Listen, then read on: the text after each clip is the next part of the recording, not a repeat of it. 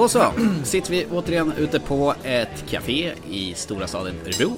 Och, oh, för att eh, förpeppa till Blade Runner. Det här, en snäppet värre pepp än för det. Ja. Och den var ordentlig. Så det här, nu är jag rädd. Jag får gåshud, jag darrar lite grann och jag är skitnervös. Han ni hör nu, det är Thomas Törnros. Och själv heter jag Thomas Hellberg och vi är TT Film Podcast. Där Thomas alltid har rätt. Ja, och vi pratar om film och vi heter Thomas och Thomas och därför TT Film Podcast. Kort och gott. Så är det. Avsnitt 100 någonting. Whatever. Ja. Men eh, Blade Runner. Jaha, jaha. Ja. Ursäkta jag gick förtid där men fy fasen vad bra. Ja, men vi ska göra någonting annat innan vi pratar om Blade Runner. Mm, det ska vi göra. Du har någonting med dina pappa-söner relationer. Jag som är nästan lika kul som Blade Runner måste jag erkänna. Ja. För x antal år sedan, ja, mer än ett decennium, nästan ett och ett halvt decennium sedan, Ja. så gick jag och skulle borsta tänderna och gå och lägga mig. Man brukar göra det. Ja, precis alltså, jättebra. Och när jag borstar tänderna så kan inte jag sitta still och bara borsta tänderna utan jag går runt. Och då satt jag på TVn och helt plötsligt kom det en film där som jag kände, vad är detta? Så jag satt och borstade tänderna och såg på den där och kände att det här vill jag se. Så för att gå och lägga mig så satt jag mig och såg på en film på en och en halv timme där när klockan egentligen var för mycket för att gå och, och vara vaken. Du kunde inte sluta titta. Den var jättebra och jag bara föll pladask för den. Snacka om vilken cliffhanger det blir. Ja, just det. Det är kul. Ja. Och den här filmen vill jag att barn ska se givetvis. Och filmen är då The Cube. Does anybody remember how they got here? Why would they throw innocent people in here? Are we being punished? There's a way in here, so there's gotta be a way out. Do you think they'd go to all the trouble to build this thing if we could just walk out? Take a good long look around. Cause I got a feeling it's looking at us. We have about three days without food and water before we're too weak to move. I just want to wake up. What the hell's going on? We haven't been moving in circles, the rooms have. We have the key. The cube is us. Ooh, ooh, ooh. Den har vi haft med på skräckfilmskväll. Ja, också. Har de inte sett den än? De har sett den nu. De har så, sett den nu? Jajamän, så mina söner har sett den. Och de har sett både ettan och Cube Zero också för den delen. Finns det inte tre? Ja, det finns tre. Jag har inte sett den tredje själv ska jag erkänna, för tvåan var sådär. Cube Zero tror jag är sista. Hypercube heter tvåan tror jag. Ja, kanske är Där är så. det då massa vitt och stilistiskt och ser Ja. skittråkigt ut. Eh, så vi tittade på den och ni som inte vet vad Cube är så är det egentligen ett x antal människor vaknar upp i ett rum med sex stycken dörrar. Det vill säga golv, tak och väggar. Och i vissa av rummen så är det, helt okej. I vissa rummen så är det döden. Döden, stordöden, lilldöden, mellandöden. Jag har länge gått på din sida. To a certain death. Du, du, du. Och det här är lite sovvarning med saker och ting. Ja, eller The Circle för all del. Circle, ja, visst. Det är, det är liksom tio små negerpojkar fast de bara är tror jag, sex stycken eller sju stycken från början. Ja. De ska ta sig ur det här stora komplexet. För bakom varje dörr finns det ytterligare ett rum, ytterligare ett rum, ytterligare ett rum. Och de kommer fram till att den här kuben de är i är ju bara en del av en stor kub. Det finns ju då olika karaktärer. Man får alltid, när folk utsätts för stress så får man ju vissa att den ena vill överleva, andra vill ta hand om och vissa vill bara sätta sig ner och bara dö. Gruppdynamiken. Precis. Som vi alltid kommer tillbaka till. Yes. Och mina söner, framförallt min stora son här då, han tyckte den här var superbra.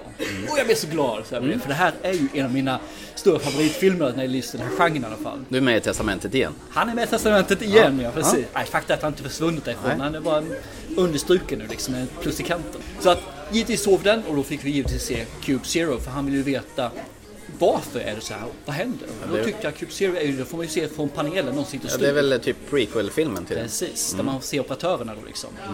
Den är inte lika stark, men fortfarande en helt okej film alltså. Så det här Hypercube har jag dock inte sett själv. Nej, jag tror kan hoppa den faktiskt. Den är inte alls riktigt kul. Det är så jag hört också. Jag- Därför visar Den är jag mer polerad och dörrarna är lite mer såna här... I vanliga kuber är här stora grova handtag här vill. ubåtsluckor. Ja, i tvåan så är det så här touchpaneler och grejer. Det är lite mer modernt. Jag tror jag har sett den när du säger touchpaneler. Jag kommer Ja. inte ihåg något av filmen men jag tror nästan jag sett den. Nej, och det talar ju för att den inte är så bra. Ja, exakt.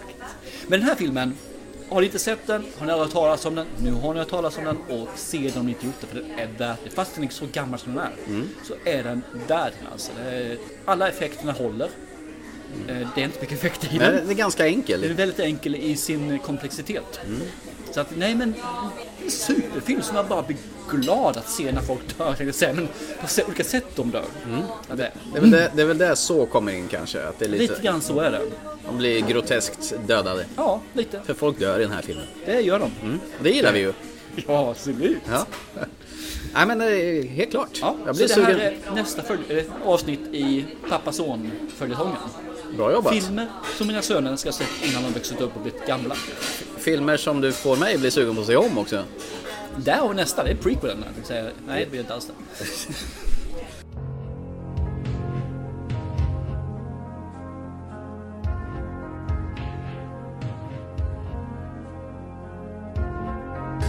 Men vad bra. Då, då går vi vidare till eh, vad vi egentligen ska prata om idag. Och det är ju nästa favoritfilm.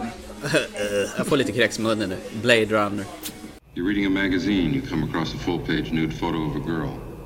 Is this testing whether I'm a replicant or a lesbian, Mr. Deckard? Just answer the questions, please. You show it to your husband. He likes it so much he hangs it on your bedroom wall. I wouldn't let him. Why not? I should be enough for him. You're watching a stage play. A banquet is in progress. The guests are enjoying an appetizer of raw oysters. The entree consists of boiled dog. Would you step out for a few moments, Rachel? Thank you. She's a replicant, isn't she? I'm impressed. Så här. Mitt förhållande till Blade Runner, jag har något jävla konstigt hatkärleksförhållande till den där. Första gången jag såg den, jag kanske var i övre tonåren. Jag tyckte den var märklig. Eh, sen har, har den fått vila några tio år, sen har jag sett om den igen. Och så har det ju kommit en diverse olika versioner av den här filmen. Jag tror den finns i fyra, fem olika klippningar. Nu senast är The Final Cut, den som Ridley Scott står mest bakom. eh, Där han bland annat har plockat bort eh, Harrison Fords voiceover. Och de har gjort bilden crystal clear på Ja. också. Så det är som de har gjort 2017. Ja, exakt. De har enhansat upp den där. Men någonting är det som skaver med den här filmen. Jag tycker om musiken. Jag gillar Vangelis suveräna musik. Nu är det nyare Hans Zimmer. Eh, Så han, jag hoppas att han efter eh, liknar originalmusiken från Blade Runner. Å andra sidan så gjorde han rätt så bra ifrån sig på Arrival också. Ja, det gjorde han ju förstås. Absolut. Eh, och jag gillar själva hur den ser ut. Alltså, den, när man, man kan inte tro att det är en film från 1984. Nej. Eh, för att effekter och med de medel han har gjort så är det vansinnigt snyggt med alla de här flygande polisbilarna och att det ser ut som en framtid i förfall. Och det är en sån här känsla av så här gamla noirfilmer, Humphrey Bogart-stuk. Det regnar. Ja, det regnar och det regnar. Det regnar ta mig fan i hela jävla filmen. Jag tänkte på det, Ridley Scott måste ha, gå igång på det med regn. Om du tänker på Alien, när han Brett håller på att leta efter Jones i den här katten. Så kommer han till ett rum, det hänger massa kedjor och grejer och han ställer sig och det regnar. Och det regnar. Inomhusigt. Ja, Spaceship. men jag tror de har fått till för att det är liksom eh, rymdskeppets avkylningsrum, AC-anläggning egentligen. Och därför det blir kondens. Men det regnar där med. Men, men regn är effektfullt. Ja, det är Gör man det, det kan vara glatt, det kan vara tråkigt, det kan vara miserabelt, det kan bli rätt skrämmande. Precis. Men regnet har den, du kan göra vad som helst med det. Ja. Sen gillar jag ju Harrison Ford såklart. Men han är väldigt likt eh, Indiana Jones i det agerandet utan hatt i den här filmen. Eller han är väl Harrison Ford. Ja, fast han är ju mer butter här än vad han är i Ja det är han ju. Men han är mycket samma minspel som han har. Ja, men det är ju Harrison Ford Ja, som säger. precis. Ja, Jag tror han kom direkt ut från Raiders of the Lost Ark. Ja, okej. Efter han har gjort den här. Eh, visste du förresten att det var Dustin Hoffman som var påtänkt från början innan Harrison Ford fick rollen? Okej. Som satt timmar med timmar, Ridley Scott satt och intervjuade honom och sen insåg han att han är alldeles för dramatisk för att spela hårdkokt snut. Så att till slut så beslutade de sig, nej, du får inte rollen. Tufft läge. Ja, precis. Och visste du, och filmen skulle heta Dangerous Days från början. Innan de ändrade titeln till Blade Runner. Okej. Så det bygger ju på någon eh, eh, roman av eh, en sån här science fiction författare. Dangerous Days låter mer som en 80-talsfil än vad Blade Runner gör faktiskt. Ja, verkligen. Ja. Eller hur? Den bygger på någon bokroman som heter någonting med Does eh, Androids Dream About Electric Goats? Tror jag originalboken är byggd på. Okej. Eh, och manuset det förvandlades i tid och otid. Så det var många utkast innan det blev det och folk blev sparkade kors och tvärs. Det var flera filmbolag som var inblandade och gick i konkurs faktiskt. Som till slut hamnade under David Ladds företag som jobbade under Warner. Som kastade in massa pengar. Oj vad jag blev långrandig. Ja, men du får gärna bli mer långrandig i det där Ja. tycker jag. Men, men vänta lite grann, innan du blir mer långrandig. Så har du just radat upp, det här är bra, det här är bra, Ja, det här är bra, det här älskar jag, det här är skitbra. Jag tycker om honom, jag tycker om Ridley Scott. Och effekterna och regn och wow! Och ändå så. Jo, jag gillar Rutger Hauer också. Ja, just det. För Han är ett praktäckel till, han är världens häftigaste minspel. Så är Daryl Hannah med också. Där fallerar det. Ouch! Det är ju hennes Priss. Så du menar att det är det som gör en hel film? Det är, alltså? det är Daryl Hannahs fel. Och när de kommer till den här eh, Sebastian med hans leksaker med dvärgar med långa näsor. Och de kommer dit. Där tycker jag filmen spårar ur och går ut för. Okej. Där skaver det något djävulskt faktiskt. Första halvan jättefin och när de intervjuar de här replikanterna och så men där någonstans efteråt så det kryper i kroppen på mig. Jag, jag fattar inte vad det är men Är det för att den är för långsam? nej. För många brukar rätta sig nej, för nej, nej, det- absolut inte. Jag älskar långsamma filmer. Men Alltså den här är extremt långsam. Ja, det den är den. nästan som eh, Dead. Ja, men hallå, jag kan inte jämföra. Eh, nej, någonstans där. Jag gillar första halvan. Andra halvan tycker jag inte alls om. Och jag kan inte sätta fingret på vad det är. Och jag har sett om och om, om den igen. Men jag känner när filmen är slut att jag förstår inte storheten med det här. Men vad, vad, exakt vad dör den? För du borde nästan känna att är den... Jo, det är det ögonblicket när hon, Daryl Hannah, ligger bland soporna eller vad det nu är och har tagit massa papper och så kommer han Sebastian och hittar henne då. Okej, det är där Ja, alltså. och så går de hem till honom till, och bosätter sig egentligen i hans... Och så tar de ju med den här Rutger Hauers karaktär. Där tycker jag den spårar faktiskt. Ja, Okej, okej. Och sen resten av filmen... Nej, nej. Och sen har ju Harrison Ford och hans replikanthona Rachel eh, som spelas av Young. Sean Young, tack. De har ingen kemi överhuvudtaget. Och det avspeglar sig att de inte alls tyckte om varandra privat. Ja, det vet jag att de inte gjorde. Nej, det syns verkligen i deras kärleksscener att det känns jävligt forcerat. Ja, det blir lite hatkärlek. Ja, verkligen. Jag vet inte om det ska vara så eller inte men kemin funkar inte alls. Och det, Vad jag vet så var det lite eh, knussligheter där mellan Harrison Ford och Sean Hannah. Det är liksom det är en sekvens där han knuffar till henne. ja just det, ganska knuffar- hårdhänt. Ja, han gjorde visst det i verkligheten också. Att det, Ja. Hon blev skitsur. Ja. Mm. Så det ser man också att hon blev sur. Och fått för mig så försökte han väl göra lite bättre där. Så han monade med henne vissa efteråt den scenen. Han drar ner brallorna, visar precis. rumpan. Och det, då sprack det väl upp lite grann antagligen. Men, eh, men fortfarande, jag håller med att deras kemi är ju inte det. Men han är ju inte en känslomässig film. Han är ju Hård. väldigt hård, väldigt avtrubbad och han är egentligen rätt trött på det här livet som Blade Runner. Han vill ju bort från Och dricker snaps. och dricker snaps Ja. hela tiden. Ja. Så att jag tycker att det passar lite grann. Men jag kan förstå att man tycker att det, kemin inte är där och det var den inte heller. Nej, men jag gillar det långsamma tempot som sagt, men det är någonting med den här filmen som jag inte riktigt tar till mig. Det är jättekonstigt, för det borde jag göra. Jag älskar ju som sagt musiken. Det sätter ju pricken över i. Det är så här 80-talssyntigt som typ nästan som Airwolf-musiken. Alltså, inte just temat men vissa musikslingor påminner jättemycket om det där. Så jag nästan ryser när jag tänker på det. Men Det räcker inte. Nej. Så att det ska bli jättespännande att se Blade Runner 2009, 2049. Jag är superpepp på den. Och se vad de gör, för Dennis Villeneuve har gjort den. Men skit i samma. Vad tycker du?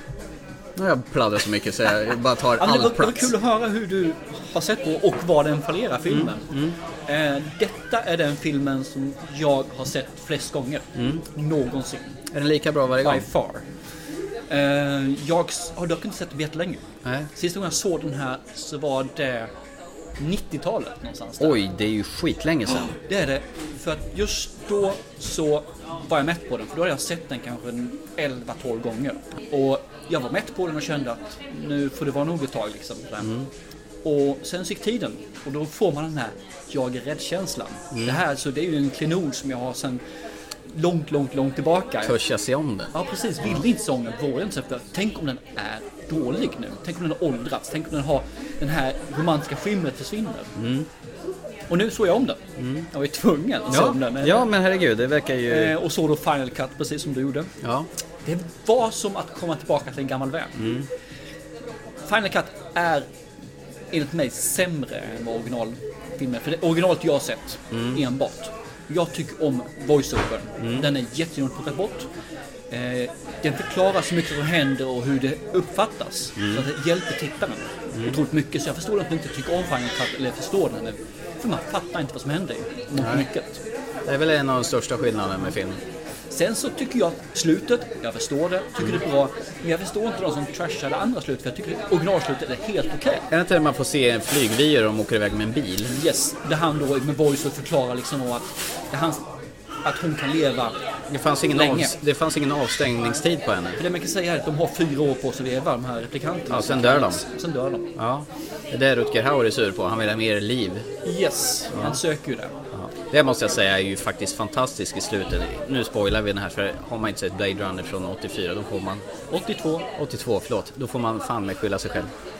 Det här talet han drar i slutet innan han den coola vippen. Det improviserade han fram. Ja. I've seen things you people wouldn't believe. Attack ships on fire off the shoulder of Orion.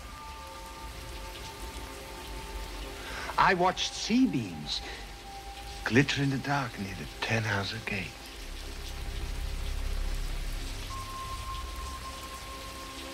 All those moments will be lost in time. Like tears in rain. Time to die.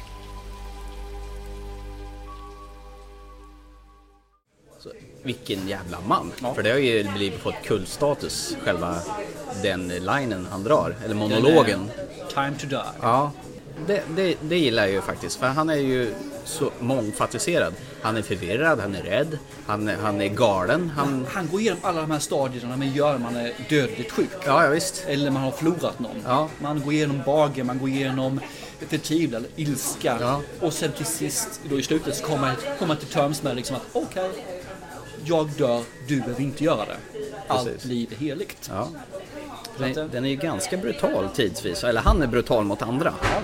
Pressar ut ögon på sin skapare bland annat. Eh, bara fortsätta. Ja. Eh, det du säger att du tycker om om filmen, jag håller med fullständigt, det är ju det som jag blir kär i.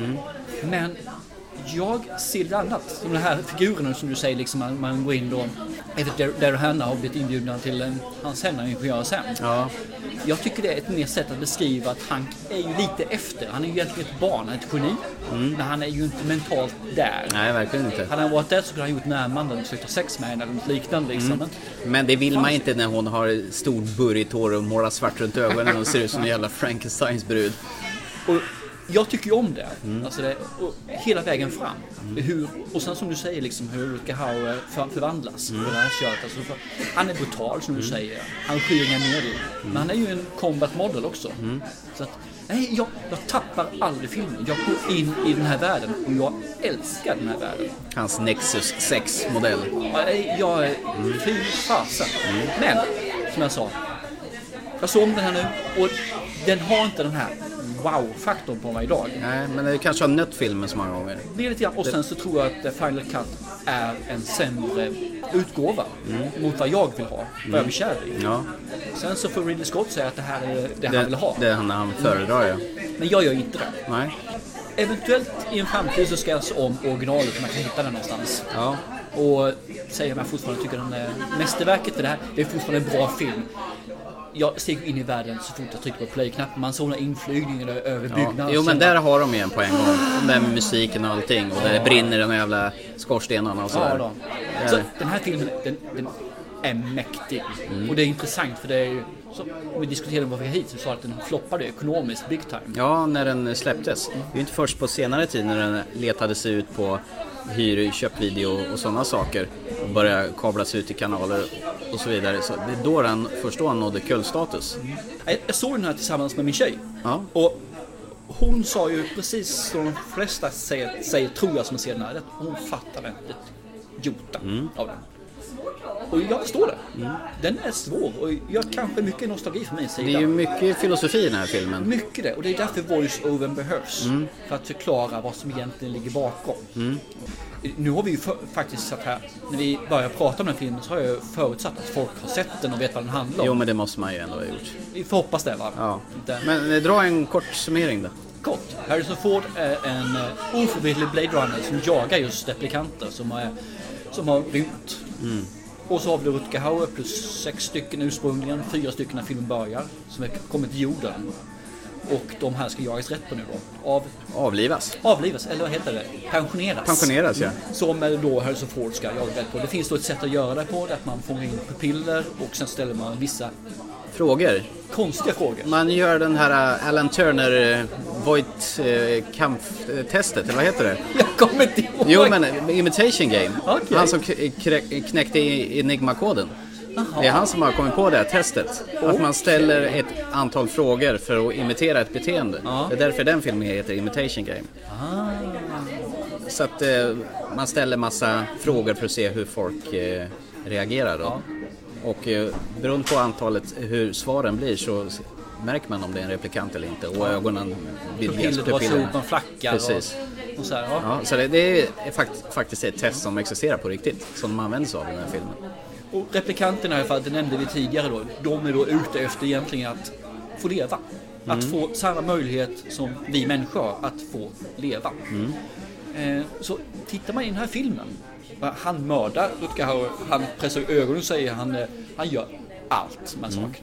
Men egentligen är han inte en bad guy. Han vill ju bara få det alla andra får gratis. Mm. Han vill bara få finnas till och få Det- fortfarande minnas. Det är hans rättighet. Ja, han ser det som så. Det får man i dilemma se, okej, när blir man människa, när blir man levande varelse eller inte?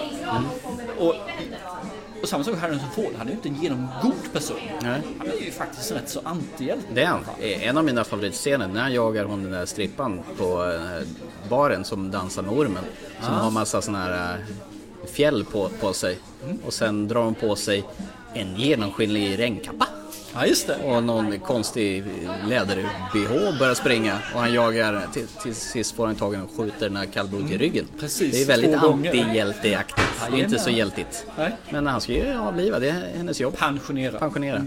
Sen är ju en karaktär till som jag tycker om. Det är ju den här som springer runt med den här polisen som han är anlitad av. Han som gör de här äh, Figurerna. figurerna. Mm. Han gör tändstickor eller papper. Han gör alltid, Det finns alltid en figur där han har varit där. Precis. Och så dräpar han in någon skön replik i slutet där. It's too bad she won't live. But then again, who does? Och så ekar det där i huvudet på honom. Precis. Det, det är en nice touch tycker jag. Ja. Och han kunde inte ett ord engelska den skådisen. Han var en, en spansk skådis. okej. Men han hade läst in replikerna så han visste att jag säger dem rätt så det blir bra. Ja. Nej men han gillar jag också. Fast han har en väldigt liten roll. ja, fast den är väldigt betydelsefull. Ja, den är väldigt betydelsefull. Och just det att han går liksom och ställer de här figurerna. För det är va? egentligen han som är motståndaren. Ja. Men Rutger Hauer och Pris, Pris, Prisma, Pris. Pris, de är egentligen bara eh, bytesdjuret. Ja. Men det är de två som ställs mot varandra. De är ju egentligen eh, de som tävlar. Men jag klarar inte av Daryl Hannah i den här filmen. Jag har inga bekymmer med Jag, det. jag tror att det är hon som sänker hela filmen. Det Det, är hon som skaver. Hon är den felande länken. Alltså hennes, hela hennes väsen där. Okej. Och hennes akrobatkonster. Nej, nej, jag grejer inte det. Nej, Men- men, men- synd. Visste du att filmen, hans första cut när, han, när den var färdig var fyra timmar lång? Fyra timmar! Ja visst, och då insåg han här får vi skava ner och sätta, Lite. sätta på lite voice och förklara för att det är ingen som kommer fatta den här filmen. Och det var därför som jag tycker det synd i Final Cut att man inte fyra timmar då. Ja. För då hade man kunnat fatta lite grann. Ja, exakt. Men produktionen den var tydligen väldigt, väldigt, väldigt komplicerad för Ridley Scott är ju väldigt grundlig. Han gillar ju att ta många tagningar och hans producenter som låg bakom det hela, de började oroa sig när tiden gick och fan kommer de ingen vart för? När han gjorde 20, 30, 40 tagningar. För han hittade lite grann i varje tagning då. Och sen eh, Harrison Ford som är, norm- som är van att jobba med, han har jobbat med eh, både Steven Spielberg, George Lucas och sen, eh, vad fan heter han, eh, The Shining, Stanley Kubrick. Att han får vara med i den kreativa processen som regissör, men det vill ju inte Ridley Scott. Han vill göra på sitt sätt. På sitt sätt. Men det vill han alltid göra väl? Ja visst. Och Harrison Ford när han inte fick vara med då satte han honom bara i ett hörn liksom, och sitta och vänta. Du får vänta tills det är din tur. Och han blir ju skitsur. Och menar man på, varför ska jag sitta här och bara vänta för? Men Ridley Scott resonerar, men han är skådis, han löser sina, sin roll i alla fall. Jag behöver inte tala om för honom vad han ska göra. Så ett- han har ett helt annat sätt att regissera. Han är mer ute efter detaljerna, det visuella. Som i vissa fall, de är inne i det här Sebastians hus. Och, och det, det speglar sig i taket, ser ut som en pool ungefär. Och då ifrågasätter producenten, men varför ska det spegla för? Det är för att det är snyggt, det ska vara så, det ska ge en känsla till själva scenen. Men sen var det kommer ifrån, det är helt ovidkommande. Eller, det ska snöa i en scen. Ja, jag vill ha snö. Men varför då? Det stämmer inte in. Skitsamma, det är konstnärligt snyggt, det ska vara så. Pelarna är, är en av hans ram. När de hade designat upp den, då insåg han jag har ju gjort ritningar till er, men jag har ju gjort dem upp och ner. Jag vill ju ha så att de här takpelarna ska vara i golvet. Det ger en mycket fylligare känsla. Ja, men byt! Det är bara ni fixar det. Så att ni har till åtta på er ikväll att lösa det. Sen börjar vi spela in. Så att, för det blir ju fördröjningar av, av själva produktionen. Och, och producenten höll på att bli galna Han är på ju ett honom. svin han är egentligen. Ja alltså, visst, på han, ja, men han är noggrann. Sen blev det ju så bra som det blev också. Fast de översteg ju budgeten och jävligt. 28 miljoner kostar den här 82 att göra. Det är rätt mycket pengar då. Ja, och den spelar in 27. Ja, den gick inte ihop. Inte så mycket, men den har gjort det över tid har den gjort det. För Ja, över ja. tid har den här ju en rejäl miljon. Det är därför det kom en uppföljare. Så. Men däremot så tror jag, var jag förvånad över att Harrison Ford I och för sig har han väl hunnit smälta filmen för då, han avskydde ju att vara med i den här. Det regnade, det var blött, han var, han var irriterad, han hade inget samspel med Sean Young, de hatade varandra som vi nämnde tidigare. Han spydde egentligen på själva hela projektet. Och sen blev det ju ingen ekonomisk eh, succé heller.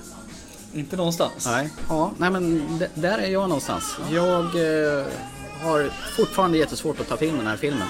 Trots att det finns så många element som jag älskar. Det är rätt intressant för jag kommer ihåg att det, det finns ju andra filmer som har haft samma sak. Ja. Anders Skin är ju en sån där film till exempel Ja. som vi pratade om för länge sedan som jag har lovat se om eh, vid tillfälle. Ja. Den har också allting men den fastnar inte. Det är någonting som inte klickar. Nej. Och det verkar det vara här med. Om du säger då att det här som inte klickar kan vara Daryl Hannah i det här fallet då. Ja, Eller dvärgar som har styltat fram i en lägenhet. ja, Jag tror att egentligen så är det här your shit. det borde vara det. Ja. Men jag har ju försökt så många gånger. Det är därför jag ser om filmen med jämna mellanrum och så tänker jag den här gången, den här gången, nu ska jag se filmen med andra öppna, vida ögon. Nu jäklar, nu ska jag ta den till mig. Bara svälja den och så blir det, det är samma sak. Same shit all over again. Jag tycker jag, jag, får jag kanske säga. inte har varit mogen att se den, så har jag känt. Att jag varit för ung tidigare. Det är därför den återkommer. Ja, det är ju bara att säga att det är tragiskt. Ja, Faktiskt. I know. Att en av världens bästa filmer inte fastnar i ditt mentala sinne. Men det finns ju alltid smurfarna. Ja. ja, ja. Avatar kanske. Fan, mitt kaffe är slut.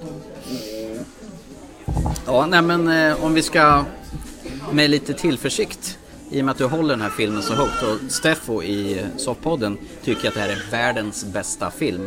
Och den här Eh. ligger åtminstone på topp 5. Ja. Den, ja, men det är ju jäkligt högt. Hur känner du inför Blade Runner 2049 nu? rädsla. Mm. Stor, fet rädsla. Men jag, vad jag har hört, Lite, lite för... såhär ja. tårta. Jag har hållit mig borta från sociala medier, jag har hållit borta allting. Jag har inte sett mer än eh, den första teasern. Nej. Så jag har hållit mig borta från alla trailers, whatever här liksom. Så, men det jag får är att det här är bra. Det här är till och med riktigt Mm. Ja, bra. men det Denis det är extremt förbaskat bra. Ja. Så att det, det, jag, jag hoppas att den eh, i alla fall tar hälften av det jag skulle vilja att den blir.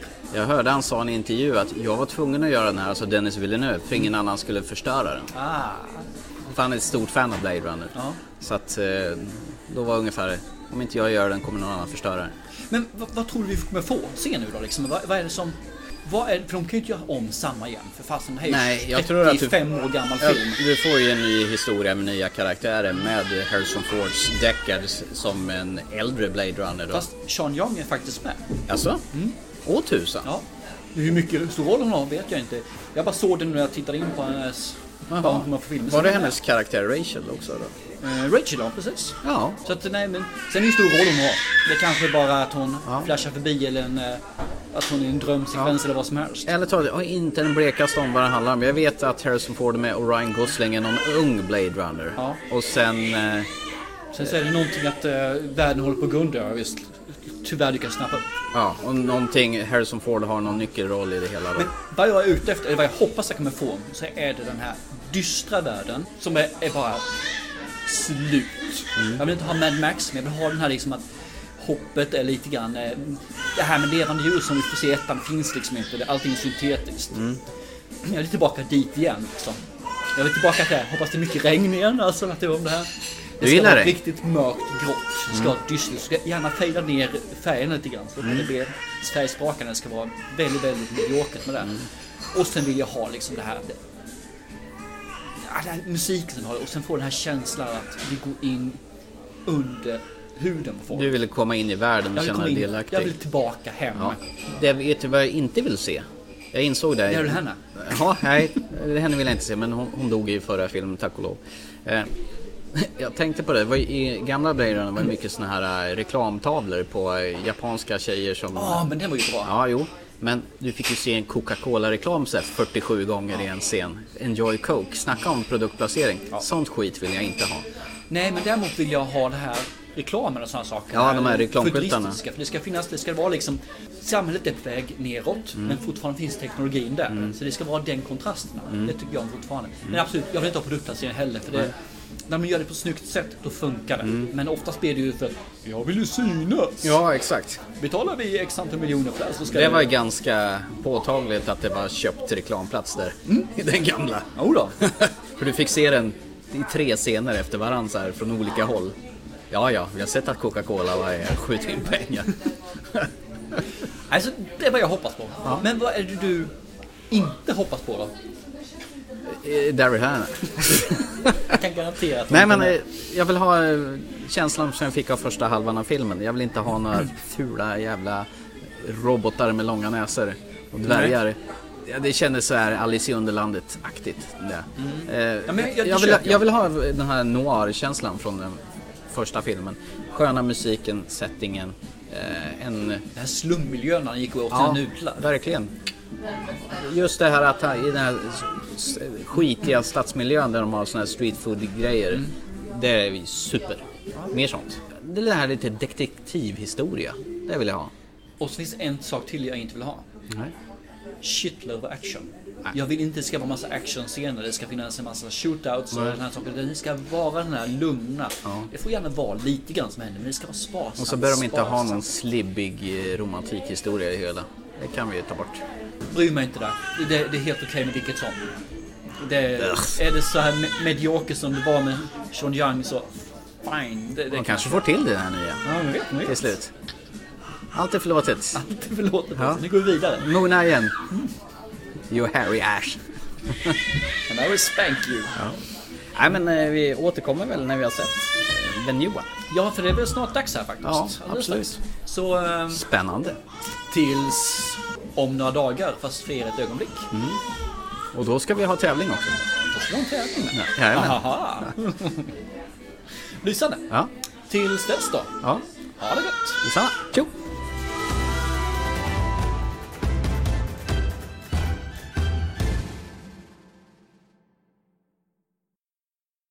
Då är vi tillbaka en vecka senare för oss, eh, noll sekunder för er som lyssnar.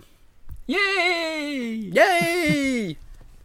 Jag har Ja. sett filmen Blade Runner 2049 och tiden har gått framåt lite grann i alla fall. Vi har fått smälta, vi har fått del- älta, vi har fått eh, fundera och fa- fabulera över filmen tills Och vrida, nu. vrida och vända på det.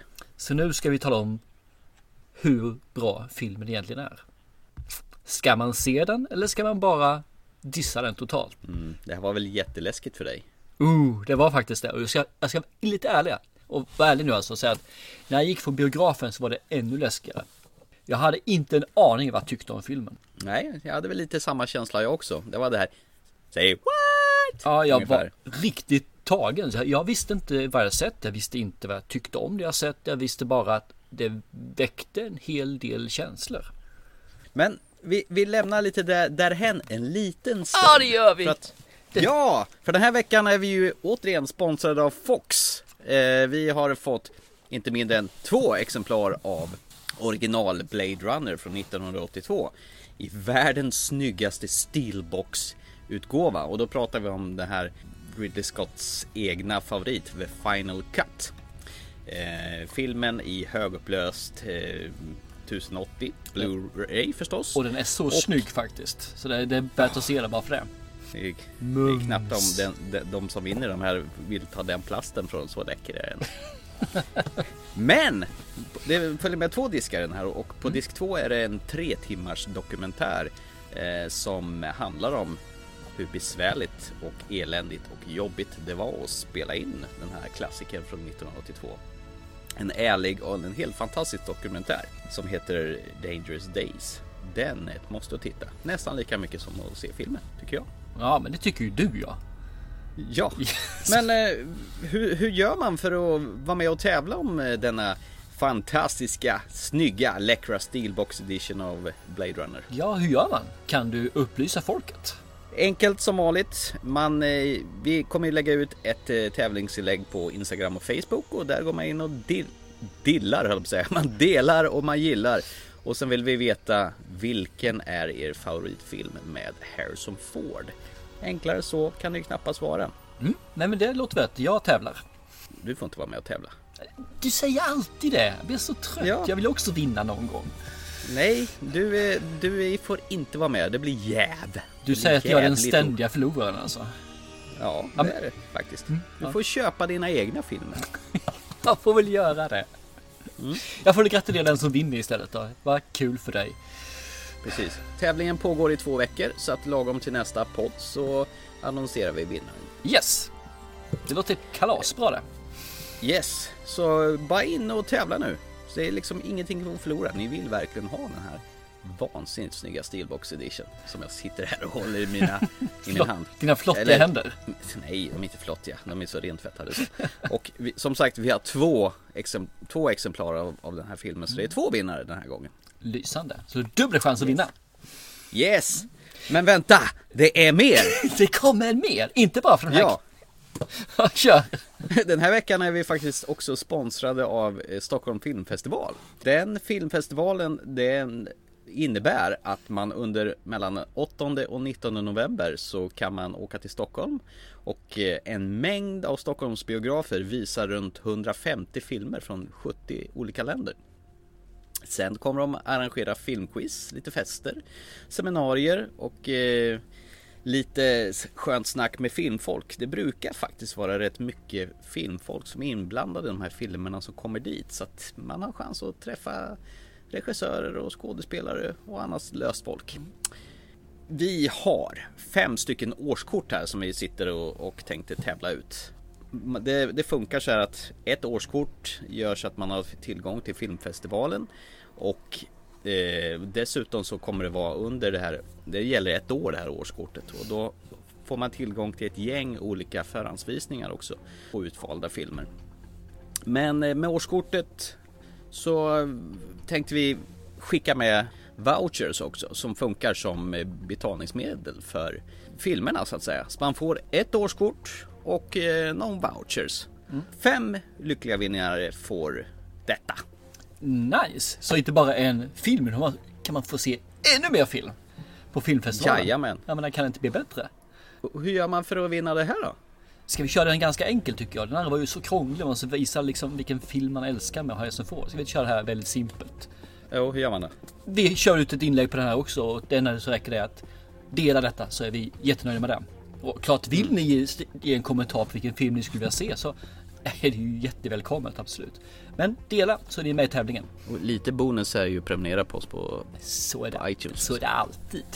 Men fem stycken årskort står i potten tillsammans med lite vouchers får man också om man nu lyckas vinna. Jajamän. Klockrent. Så att, eh, kör på! Fast, jag bara fick så här flashbacks när du sa, men inte bara det, det var den här TV-shop fick jag liksom. TV! Inte bara får du de här fyra knivarna, du får också den här knivslipen gratis med här. Men vänta, det är mer. Du får den här behändiga plastpinnen som kan skala apelsiner med. Precis. Men vänta, det är mer. Det här Och ringer du inom två minuter så får du även ett urladdat batteri. Men vänta, det är mer. Du får den här bruksanvisningen som vi har fotostatkopierat tio gånger så man knappt ser texten på. Dock inte på den här apparaturen du köper utan på den här som vi sålde förra veckan som var mycket mer populär. Fast det här var ingen tävling va, det sista vi pratade om. Du, nu hoppar vi vidare till något som är mycket, mycket mer intressant än den gamla TV-shopsvinnaren här. Nu kommer vi till kvällens huvudnummer. Det här som vi, du har väntat på de senaste 30 åren. är uppföljaren till Blade Runner. Med den fantasifulla titeln. Blade Runner 2049. It's quarter to three. I missed you, baby sweet. There's no one in the place Was a day? huh? except you and me. It was a day. Humanity cannot survive. Replicants are the future of the species, but I can only make so many. He's got every gun in the city. I've got you. We have to stop him. What do you want? I thought you might be able to help me with the case. He's constructing an army. Tell me what you remember. Everything. They know you're here.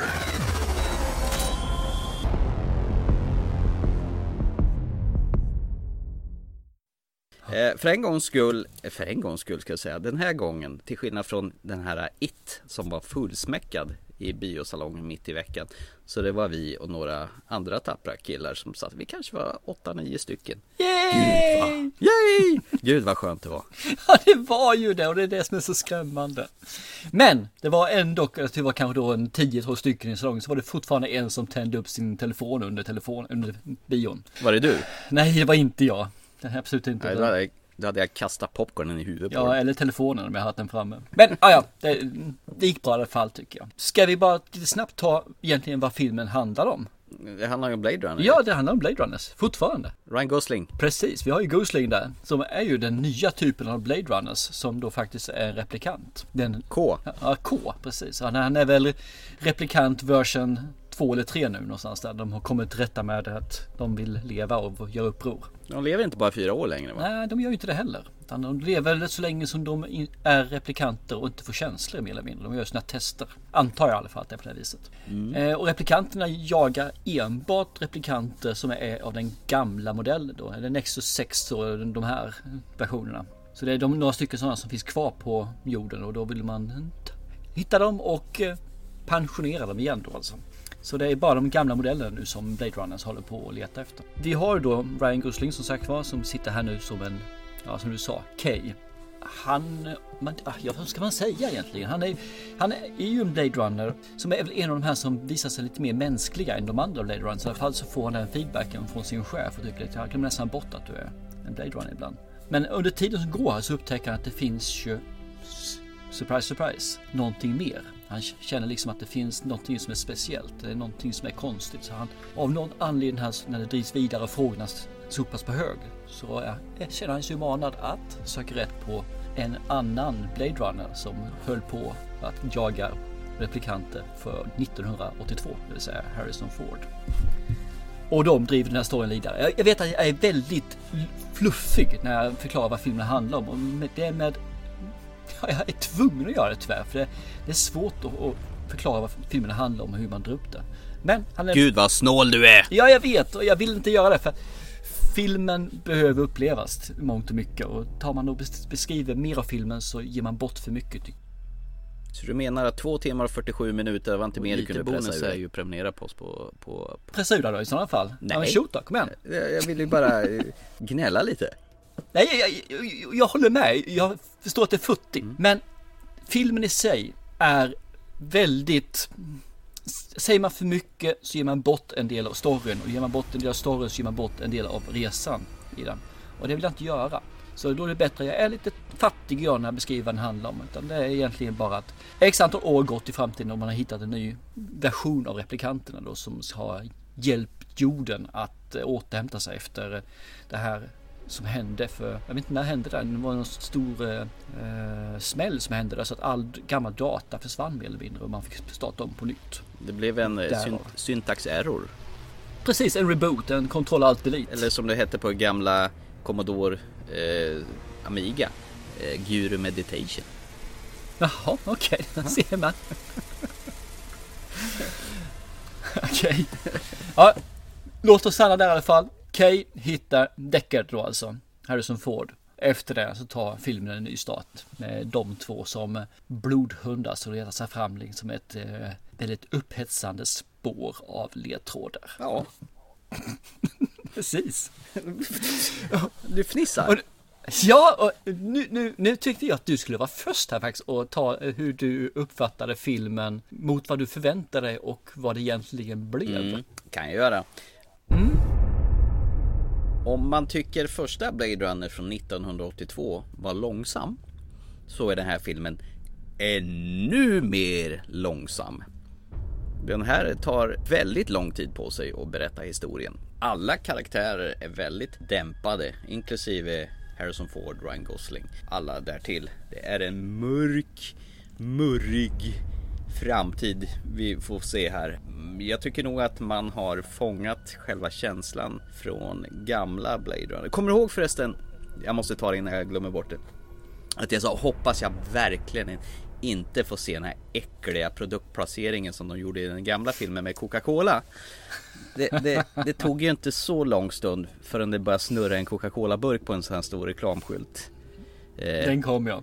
Och Atari och Sony och naturligtvis den här fina flygbilen som eh, Ryan Gosling åker runt i. Det är ju tvungen att synas ett stort Peugeot-märke framme i fronten på den. Så att eh, nog tusan är det pro- produktplaceringen den här också faktiskt. Ja då, men kostar den 150 miljoner att tillverka så kan jag tänka mig att man behöver ha lite inkomster Men det också. syns ju att den eh, har varit dyr att göra för den är ju fruktansvärt snygg att se på. Man har ju lagt ner en djävulsk energi för att sätta känslan för att återigen hamna i, i universumet som Blade Runner en gång var 1982. Jag tror nog minsann att Ridley Scott eh, gav regissören Dennis Villeneuve fria tyglar här för eh, Ridley Scott är bara producent på den här filmen. Han sa du får den här, gör vad du vill med den hela.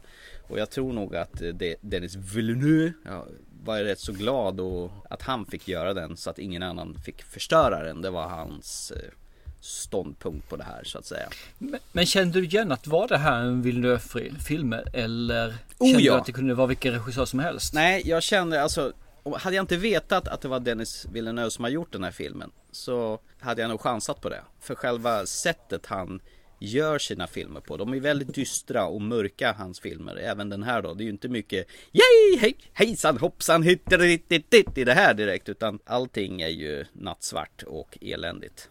Även så Mm. här. Och hans sätt att berätta filmer. Det här att oj, du kanske eventuellt jag lägger ut lite ledtrådar här. Vad såg du det här? Märkte du det här? Eller ska jag berätta för dig i slutet och du missar det?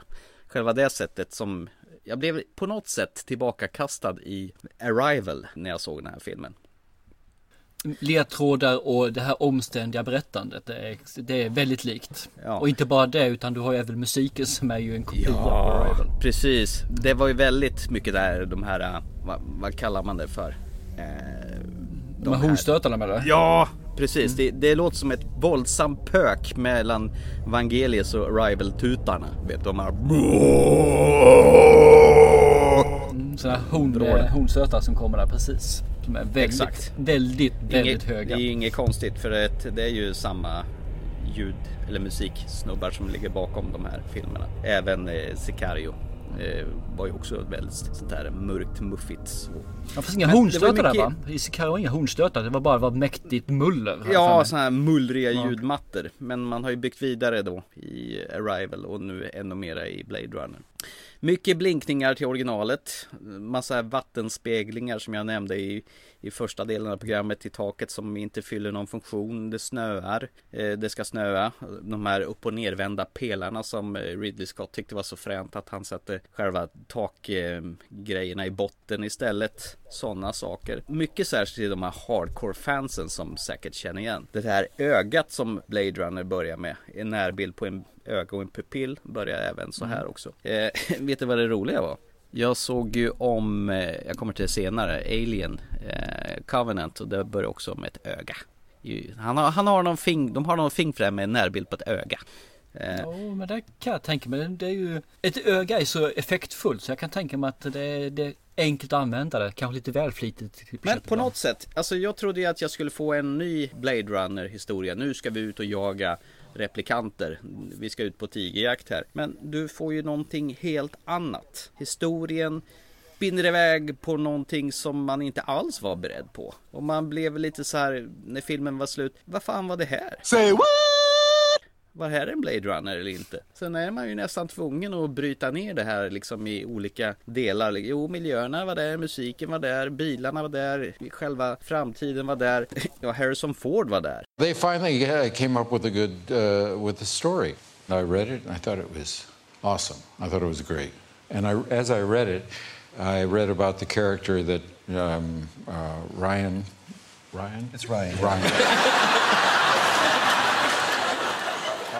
Det hade vi sig kanske inte spelat någon roll om de tog tillbaka hans rollfigur där men jo det är en Blade Runner fast det är ju en Blade Runner signerat Dennis Villeneuve och han har gjort någonting helt annat än vad första filmen är. En liten kul anekdot bara det är att det här är det första som händer i filmen. Det är ju när Ryan Gosling kommer ner med sin bil, landar, kliver in i en stuga mitt ute på en ingenstans, kliver in och det första han får se är en kokande gryta som bubblar på, på en gasspis där. Och det var egentligen det ursprungliga manusidén till den första Blade Runner från 1982 som de skrotade. Den använder de här då istället. Mm. Det tycker jag är lite bra. Det är när han möter Dave Bautista som Precis. ska pensioneras. Mr med i våran Guardians härliga Galaxy. Guardians Galaxy, precis. Jag vet inte fortfarande riktigt vad jag ska tycka om den här filmen. Den är för mig svårsmält. Det känns nästan som jag skulle behöva se om den här filmen faktiskt. Den är skitsnygg, den är våldsamt härliga miljöer.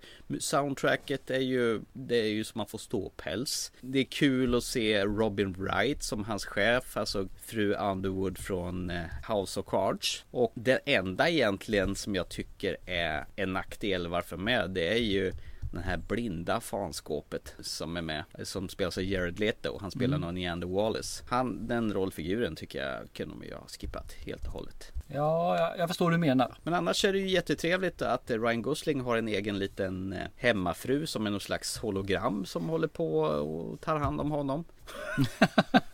Nej men det är ju, det är ju karaktärsbyggande. De, de tar sig tid att bygga karaktärer och det är ju en väldigt mäktig film att se på. Men vet du vad det bästa var med den här filmen? Nej. Det fick mig att gilla original Blade Runner ännu mer än vad jag gillade tidigare. Say what?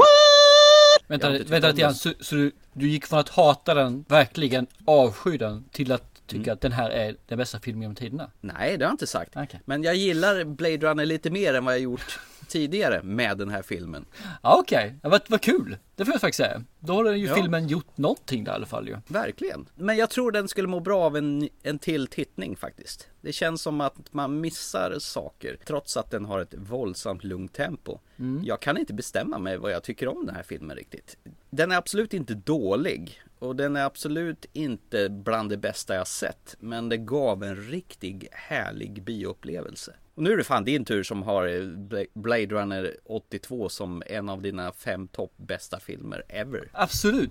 Det som jag sa tidigare, när jag gick från biografen så det var väldigt tumult i känslorna om vad jag egentligen hade sett och vad jag egentligen tyckte. Och det tog rätt lång tid för mig liksom att få det att sätta sig och bena ut det. Vad, vad, man, vad, vad jag egentligen hade sett och vad, vad jag egentligen tyckte om det. Och det man kan säga är ju att Blade Runner-världen, den är ju där. Den, den, finns där. Så jag känner mig lite hemma. Det har gått x antal år, jag vet inte hur långt det har gått. Det har väl gått då en 30 år ish någonting. Världen har gått vidare. Men den är, finns fortfarande kvar där. Förändrad, mer modern, men ändå där. Och det tycker jag är fantastiskt. Man har gjort något nytt med världen och ändå har man behållit själva kärnan. Klockrent där av Villeneuve. Eh, foto, färger, den är ju vacker. Enastående vacker den här filmen. Alltså det, det kan man aldrig någonsin ta, ta ifrån den. Och, det, och den är så pass bra så man tänker inte ens på att vilka effekter som finns, att de har lagt till effekter, utan de blir helt naturliga. Så jag, jag köper det. Jag tänker inte på att det är CGI-effekter högt och lågt där, utan det är bara att det passar så bra in i filmen så att jag bryr mig inte, utan det, det, man, man, man köper det, man tror på det.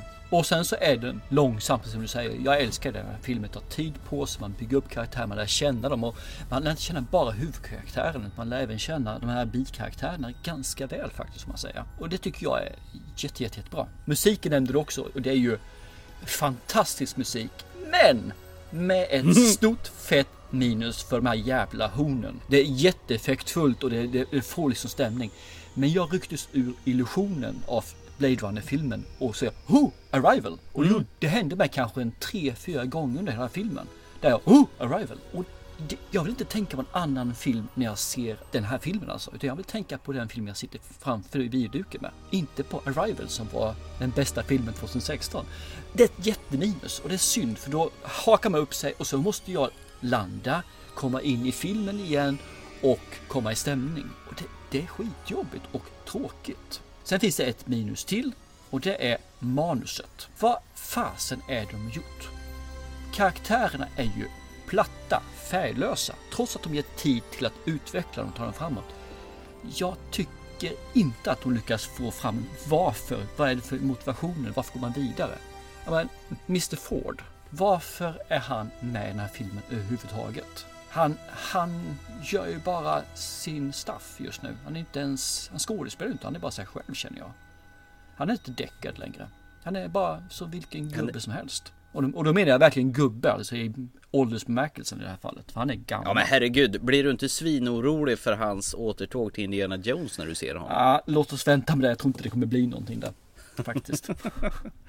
Nej, det är jättesynd. Och sen så tycker jag Gosling är samma sak. Nu var de som du säger väldigt tillbakadragna och det kanske var meningen. Men jag får ingen sympati för Goslings karaktär Kay. Utan jag tycker bara att, jaha, okej, okay, eh, varför då? Ja, ja, shoot. Och så rycker jag på axlarna och går vidare. Och sen nästa fråga som jag ställer mig, det är liksom att okej, okay, man gör en Blade Runner uppföljare nu långt efter originalet 82. Vad vill man göra med den här filmen? Vad var meningen med den här filmen? Gör man en uppföljare två, tre år efteråt, ja då gör man det för nu vill vi spinna på, vidare på genre, den här genren och göra en ny, en ny kassako. Och kanske göra en trea, en fyra och en femma om det visar riktigt förbaskat bra. Men här gör man en som är så över 30 år efter originalet. Då måste man vilja någonting med filmen tycker jag. Och det får man inte riktigt fram. Så att eh, jag tycker det är jättesynd alltså. Sista minuset som jag ska ha med innan jag pratar om det här. Och det är som du nämnde, blinkningarna. Det finns blinkningar till gamla skript, det finns blinkningar tillbaka till originalfilmen och de blinkningarna kommer ofta. Det är alltså, det är fyllt av dem. Nu missar jag säkert hälften i alla fall, men det finns många blinkningar. Bara för att man vill, eh, ja men kolla här, kommer du ihåg detta? Och det här, ja, och det här. Och det blir för mycket. Det hade räckt med en, kanske två blinkningar i hela filmen. Det räcker.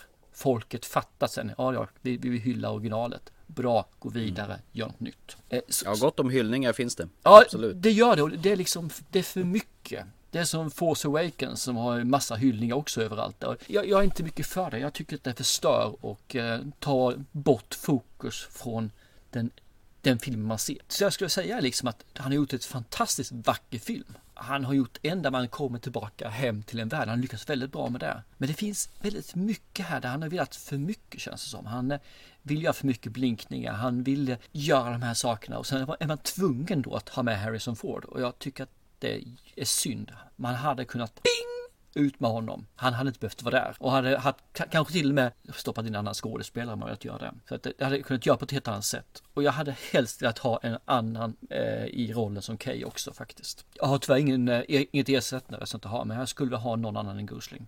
Det, det, det är en spretig film och det är så jag säger. Den är vacker, jag är där. Men den finns inget djup och det finns ingen... Man, är, man ser inte den för handlingens skull. Man ser inte den här filmen eh, för att manuset är helt genialiskt. Utan jag ser den här mer för filmen alltså som ett fotografi som rör på sig och tar mig vidare framåt i tiden. Där man njuter egentligen av den vägen framåt som ett, som ett konstverk än som en film. Den är ju inte så mycket noir som den gamla filmen är. Den känns ju som en hyllning till de här gamla svartvita gubbar i trenchcoat och hatt och går och röker och sådana saker. Nej, jag håller med dig. Den, den här är inte alls åt det hållet. Det, jag håller med dig helt och hållet där med Harrison Ford. Jag hade jättesvårt att se att det var Rick Deckard vi pratade om. Det skulle kunna vara vilken jäkla karaktär som Ja, helst. För han var inte han. Han ska vara mer butter, han ska vara mer smart också för den delen. Ursäkta. Jag kändes som en trött gammal gubbe vid namn Harrison Ford i den här. Iklädd i grå t-shirt och jeans. Ja, Eh, precis. När alla andra gick i spacey outfits så kom han i jeans Ja. och t-shirt. Märkligt. Jag hade nog egentligen velat haft det här till en helt fristående film utan att det återkopplades till den gamla. De försökte ju väldigt så här väl att försöka koppla ihop de här två filmerna men det kändes ändå så forcerat. Men det behöver inte koppla ihop dem eftersom det har gått så långt emellan. Så det kändes ganska dumt att ens göra det. Va, Ja. vad, vad vinner man på det? Jag vet inte, men det, jag menar vi har ju universumet, vi har ju miljön, vi har ju musiken som påminner om oss. Det här är ju samma universum. Titeln Blade Runner 2049 behöver nödvändigtvis inte ha någonting med den gamla filmen att göra. Utom att det är samma universum, att det handlar om replikanter och att en framtid som har gått åt helvete. det hade räckt så. Eh, Jag håller med fullständigt. Det hade räckt. Och så gör man den helt fristående efter det. Det hade Mm. varit super. För jag hade gått och sett den i alla fall. Bara för att komma tillbaka till universumet Blade Runner. Jag, jag fattar inte riktigt vad du tyckte om den här då. Om vi ska komma till det. Det går som katt kring het gröt eller någonting. Ja, och det där säger liksom att så, som estetiskt är det här en vacker film som gör den väl värd att se. För den alltså, den är vä- väl värd att se bara genom foto och färg och hur man, hur man filmar den här tekniskt. Och musiken är bra också om man glömmer bort de här arrival-stunderna då. Som filmsätt, när man tar handling och storyline och eh, hur skådespelarna presterar så är det faktiskt en undermålig film tycker jag. Det, det, är, det är ingen hundragrunna film detta alltså när det gäller de delarna. Vill du ha min helhetsintryck på det så fine. Jag tycker absolut du ska se den här filmen. Du ska se den enbart för att den är vacker. Den är fruktansvärt vacker. Alltså du, du är hänförd av hur den är filmad. Och det var nog det jag kände när jag gick från biografen också. Att den var allting jag såg, allting jag kände när man, när man var där i biografen just visuellt var helt underbart. Och så var det det här som gnagde. Men det här är ju ingen bra film. Den är vacker, den är underbar, men den är inte bra. Därför tycker jag fortfarande, se den. Men se den för ytan, se den för finishen, se den för att, men det går att titta på en fin Lamborghini. Den är helt fantastisk hur den är, liksom, den är vacker, formerna är fina, djup glans på den och du vet om att det finns en riktigt fin tolva under huven på den. Men det är ingenting du sitter och åker och pendlar till jobbet med. Rätt så meningslöst. Det är precis vad den här filmen är. Du ser den för att den är vacker, men det är ingenting som du gör för att njuta av själva storylinen, för själva eh, skådespelarna. Glöm bort det, den ser bara det visuella. Var det ett svar på frågan? Ja men absolut, det är definitivt svar på frågan. Jag håller med dig. Eh, visuellt är det här, här är ju porr för ögonen. För att liksom glida in på ett litet ämne. Reklamskyltarna 2049 är väldigt nakna. Det är mycket nakna statyer. Mycket naket i fokus, kurvor. Men det verkar inte en jävel som bryr sig om det. Det är ingen som blir upphetsad av det. Det är lite spännande. Nej men ser man sånt hela dagarna så blir det kanske så upphetsande efter ett tag. Nej, du känner dig ensam. Ja precis. Jag tycker du ser lite ensam ut, säger en reklamskylt till Ryan Gosling i en liten scen. Hon är naken. Var det naken? Precis. Mm, Då var han inte så ensam efter det. Så att eh, jag gissar väl på att du fortfarande vidhåller att den här spöade inte Blade Runner från 1982. Ja, det är inte ens i närheten. Det är den, en annan liga. Den var i närheten i vissa fall när man tittar på Final Cut. Men vad jag minns om originalet, den här bioversionen, så nej, inte i närheten. Den är fortfarande... Jag ska se den original...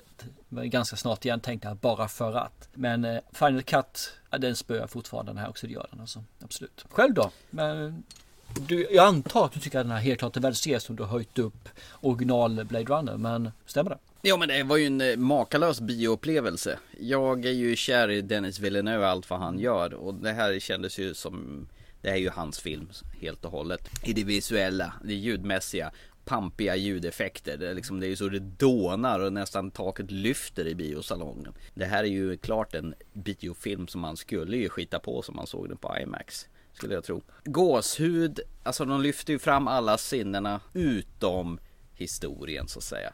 Den är ganska tråkig och medioker men jävligt snyggt förpackat. Men tycker du att den här, att han, att du känner att det här är den för så det ligger i klass med Rival, med Sicario, med Prisoners? Nej, nej, nej, nej, nej, nej, nej. Vis visuellt är det ju det. Alltså han är ju jävligt duktig på att göra snygga filmer som tilltalar en. Det som också är hans trademark att filmerna är våldsamt långsamma, även detta. Mm. Jag gillar ju långsamt, det gör jag ju. Eh, men inte alls samma liga som Sicario eller eh, Arrival. Nej, det är den inte. Mm. Men andra ja. vi är ganska överens då egentligen. Värt att se ja. på men inte så mycket under ytan. Nej, men det, det jag blev absolut gladast över att jag tycker nog inte första Blainer är riktigt så dålig som jag har gjort sken till att tycka. Utan den eh, får jacka upp ett par betyg tror jag. Vad, vad är det som gör att du tycker att den blir bättre? Jag är lite, lite nyfiken. Att, att den blir bättre, det förstår jag för du har ju mognat lite grann och verkligen förstått vad en bra film är för någonting. Men, men varför? Jag saknade Rutger Hauer så hårt i den här nya. Mm. Ja, en sån rollfigur, en sån riktig praktäckelskurk. De försökte ju med Jared Leto, men han var ju bara patetisk i jämförelse. Eller den kvinnliga motsvarigheten till, till Rutger Hauer, men inte ljusår i, i kar karisma och agerande. Jag skulle vilja haft någonting sådant och då inser jag att jävlar vilka sköna karaktärer de hade i originalet. Och just det här noir-aktiga filmen som var de här verkligt sköna blinkningarna till ja, 40-talsfilm med Humphrey Bogart och såna här gamla härliga rullar. Mm. Jag har kanske äntligen förstått storheten i Blade Runner i och med den här och det är ju jättekonstigt. Den har någonting som griper tag och leder dig från natt till dag och plötsligt vill du sjunga halleluja halleluja halleluja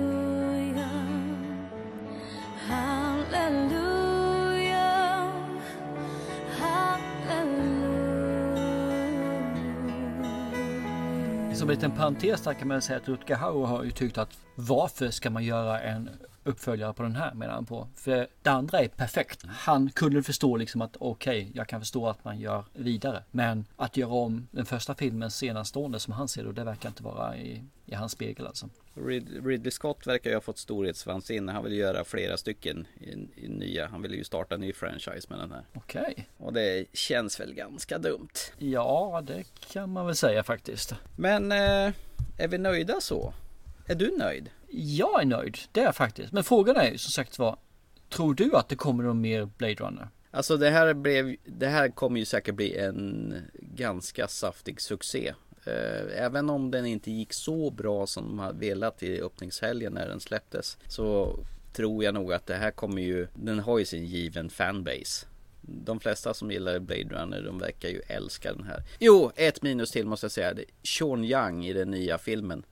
Fy fan vad onödigt. Jag ja. säger ingenting mer. Nej, jag håller med du där. Vi säger inget mer än så. Utan onödigt, ja. Nej men eh, säkert. Det, det, här är nog inte det sista vi ser av Blade Runner. Universumet är ju stort. Man kan nog göra rätt hur många historier som helst faktiskt. Det skulle man kunna göra. Jag är nästan lite förvånad om det inte skulle komma en serie eventuellt här i en framtid. Kanske inte i år inte nästa år men om tre, fyra år kanske. Har vi eh, sagt ingenting och allting om eh, 2049 Blade Runner? Det är väl rätt så svävande betyg skulle jag tro. Men det är nog för att jag själv inte är riktigt säker. Som sagt, jag skulle nog, den här filmen skulle nog må bra av en omtittning. Mm. Det som till, återkommer till pluskontot att den kändes ju inte som den var 2 timmar och 43 minuter lång. Den flöt ju på ganska raskt. Nej, men filmen. det är för att den är 2 timmar och 44 minuter lång. Jaså, det var därför Men det, det kändes ju inte. Men jag ska säga att den kändes lite för lång i alla fall. Tycker jag. Men eh, nej, den var helt okej. Men fortfarande, du har inte sagt heller. Värd att se eller inte? Nej, ja, men det är klart den är värd att se. Absolut. Det, det jag menar, alltså det här är ju porr för ögonen. Det här är ju en visuell fest. Eh, om man eh, lämnar det här med att ha en jävligt intressant och en eh, smart historia. De vill verka smart historia, men den är inte så smart som de vill ge sken att den är. Så, men om man bara går dit för musiken, ljudet och tar in alla intrycken så, så, och vill kasta sig in i Blade Runners maffia-universum så det här är ju right up your anal, äh, alley. Men vad säger du Thomas? Eh, Som du säger, den här behöver ses om och vi tycker båda att manuset är so-so. Mm. Ska vi göra så här, när den kommer på DVD den här så Mm. ser vi vi en rewatch på Då den gör vi då? en rewatch. Och så återkommer vi här i avsnittet om den här blev bättre, sämre eller ja, ja, det var som förra gången typ. Och sen så eh, får vi se lite grann om det har förändrats. Det vore jättekul. Gott mos! Så gör vi! Ja.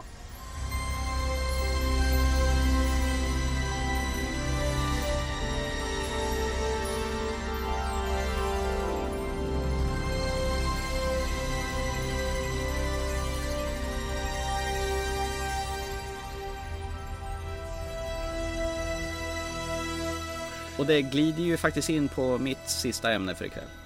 Okej, kör! Ap- apropå rewatch. Rewatch. Rewatch. I början av året så kom ju, apropå Ridley Scott, så kom ju hans nästa installation i Alien-sagan, Alien Covenant. Och vi, och vi tyckte ju att eh, den var ju så här lagom härlig Mm. då. Ja, Eh, vi jag tror var vi- ju inte jätteförtjusta i den någon av oss om jag minns rätt. Jag tror vi tog fram stora motorsågen och kapade det där rymdskeppet och Det- sänkte det till jordens mittre. Det var där vi har bestämt att en skulle älska den och en skulle dissa den. Ja, just det. Redan från Ja, början. det, Ja. det gick åt helvete. Det gick åt helsike ja. Ja. Men jag tänkte så här. Var den verkligen så jävla dålig? Så jag måste faktiskt se om den. Så jag har gjort en, eh, en rewatch på den faktiskt. Apropå rewatch. We've picked up a distress signal. Let's take a closer look. I've been marooned here. Waiting. Is it safe here? Perfectly safe. I found perfection here. I've created it. What did you do to her? Exactly what I'm going to do to you. Let's kill this thing. Alien Covenant at these digital stores. Och här vad jag kom fram till idag. Mm. Vänta, vänta, vänta. Vet det. Snabb recap. Det är ju Covenant, rymdskeppet, där massa par ska kolonisera sig på en planet långt, långt borta och åka ner i kryosömn. Blir uppväckt eh, på grund av en, en liten incident och eh, inser att det finns en liten planet i, nära till hans. Vi åker dit istället. Trots att de, de bara sumpar sin plan och åka.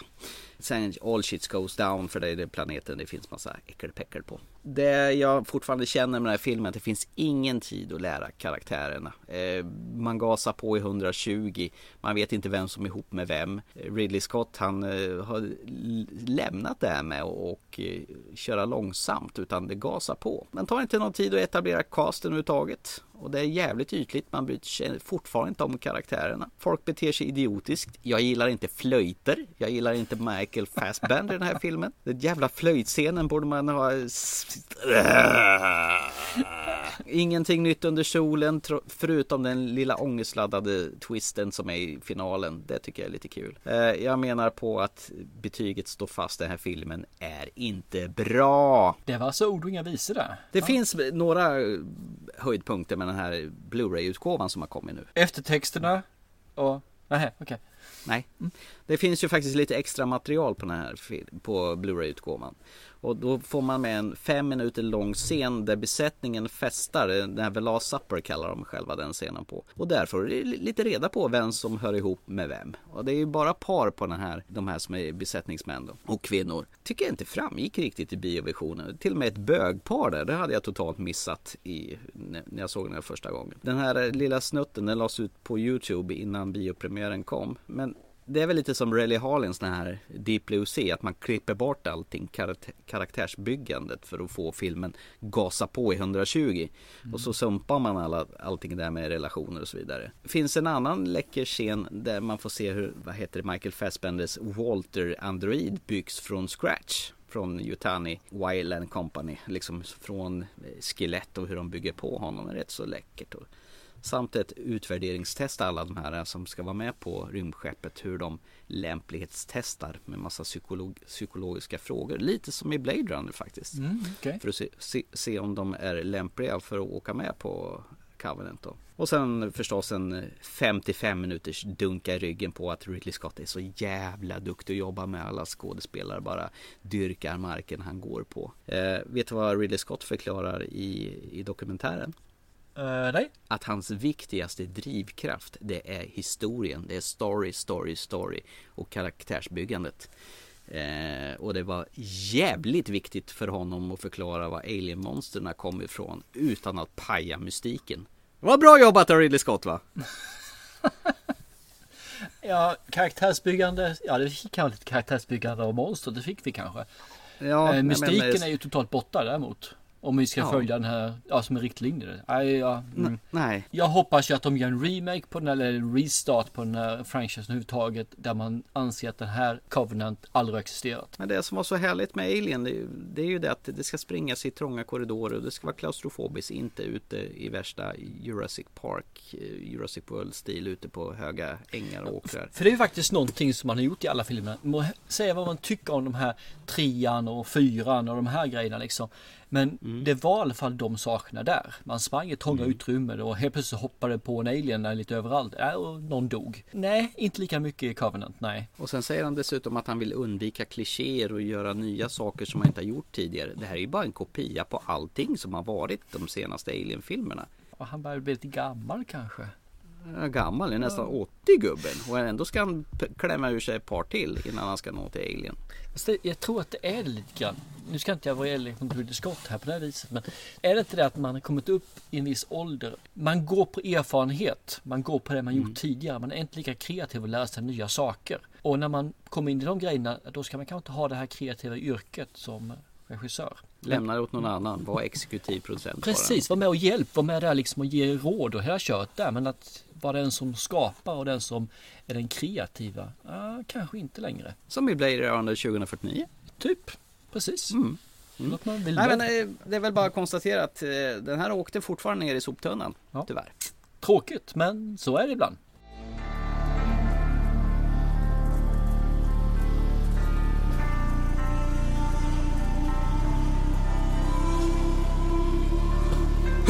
Så, nu jag känner mig helt uttömd här på science fiction-rymden och allt vad det nu är. Flygande bilar och eh, ögon som ploppar och snöar och regnar och eh, robotar och naket och oj, tuttar överallt. Det låter bra det. Och, och till nästa program, då är det väl dags att och jag tar tag i uppdraget som jag fick av dig för flera program sedan och kolla den här brasilianska filmen eller argentinska filmen. Ja, för jag vet att vi lovade ju att faktiskt för det här avsnittet du skulle ha sett den här filmen till. Men nu hoppar ju Blade Runner in som ett specialavsnitt istället. Så vi skjuter på det ytterligare en, ett avsnitt längre fram. Så då blir det Hemligheten i deras ögon då. Och sen så är det ju Hasses utmaning direkt efter det. Gerald's Game ja.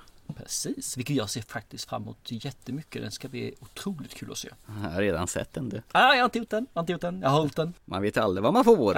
Man sitter med handbojorna fast om man säger så. Ah, lämna den utanför nu. Ska vi Jajamän. göra en sista påminnelse av tävlingarna vi faktiskt annonserade idag här? Ja, i och med att det var ett fantastiskt späckat avsnitt av Blade Runner så tävlar vi ju ut i samarbete med 20th Century Fox Sverige ut två stycken Blu-rays med Blade Runner The Final Cut i en jättefin Steelbox Edition. Så håll utkik efter den här annonsen vi har då på Facebook och Instagram va? Jajamän, där kommer tävlingarna ligga. Och att, sen eh, så är det bara till att ladda på. Vem är den bästa filmen Harrison Ford har varit med i? Absolut, och gilla och dela. och sen får ni inte glömma filmfestivalen i Stockholm då, där vi har sty- fem stycken årskort och lite vouchers som vi tänker tävla ut. Och håll utkik även där på Instagram och Facebook, för där kommer eh, tävlingen ligga. Det är så superenkelt som du sa, gilla och dela så ni är med och tävlar. Och vill ni så skriv en del vilka av filmerna ni skulle vilja se när ni går in och tittar på den här Stockholm Fest- filmfestival. Vad som erbjuder för någonting. Vilken vill ni se av de filmerna? Mm. Till exempel om man är som vi och gillar skräckfilm, då går man till The Twilight Zone. De är så smarta som har lagt in det i olika kategorier. Twilight Zone, då är det skräck och rysare. Det är en kategori för sig, men eh, det är bara att gå in och kolla på stockholmfilmfestival.se så ligger hela programmet där vilken dag som helst så ser ni vilka göttiga filmer som kommer gå. Absolut. Så blir det. Yes. Ni hör oss på Instagram, Facebook. Eh... Vänta, hör de oss på Instagram? Nej, de ser oss på Instagram, Facebook. Vi finns där. Och iTunes hör de oss på. Och på, på Acast hör oss och på Podventory hör de oss och diverse andra ställen där man kan ladda ner poddar. Vi finns där poddar finns helt enkelt. Det var faktiskt ett rätt bra citat. Eh, Jag heter Thomas Hellberg och du heter? Törnros Thomas. Yes, och det är vi som är TT Film Podcast och tack för att ni har lyssnat ikväll. Chip chip. Så se en bra film så länge så hörs vi. Hej! Chip chip! Igen då.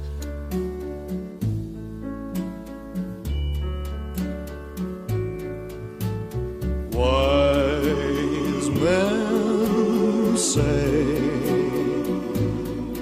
only fools rush in, but I can't help falling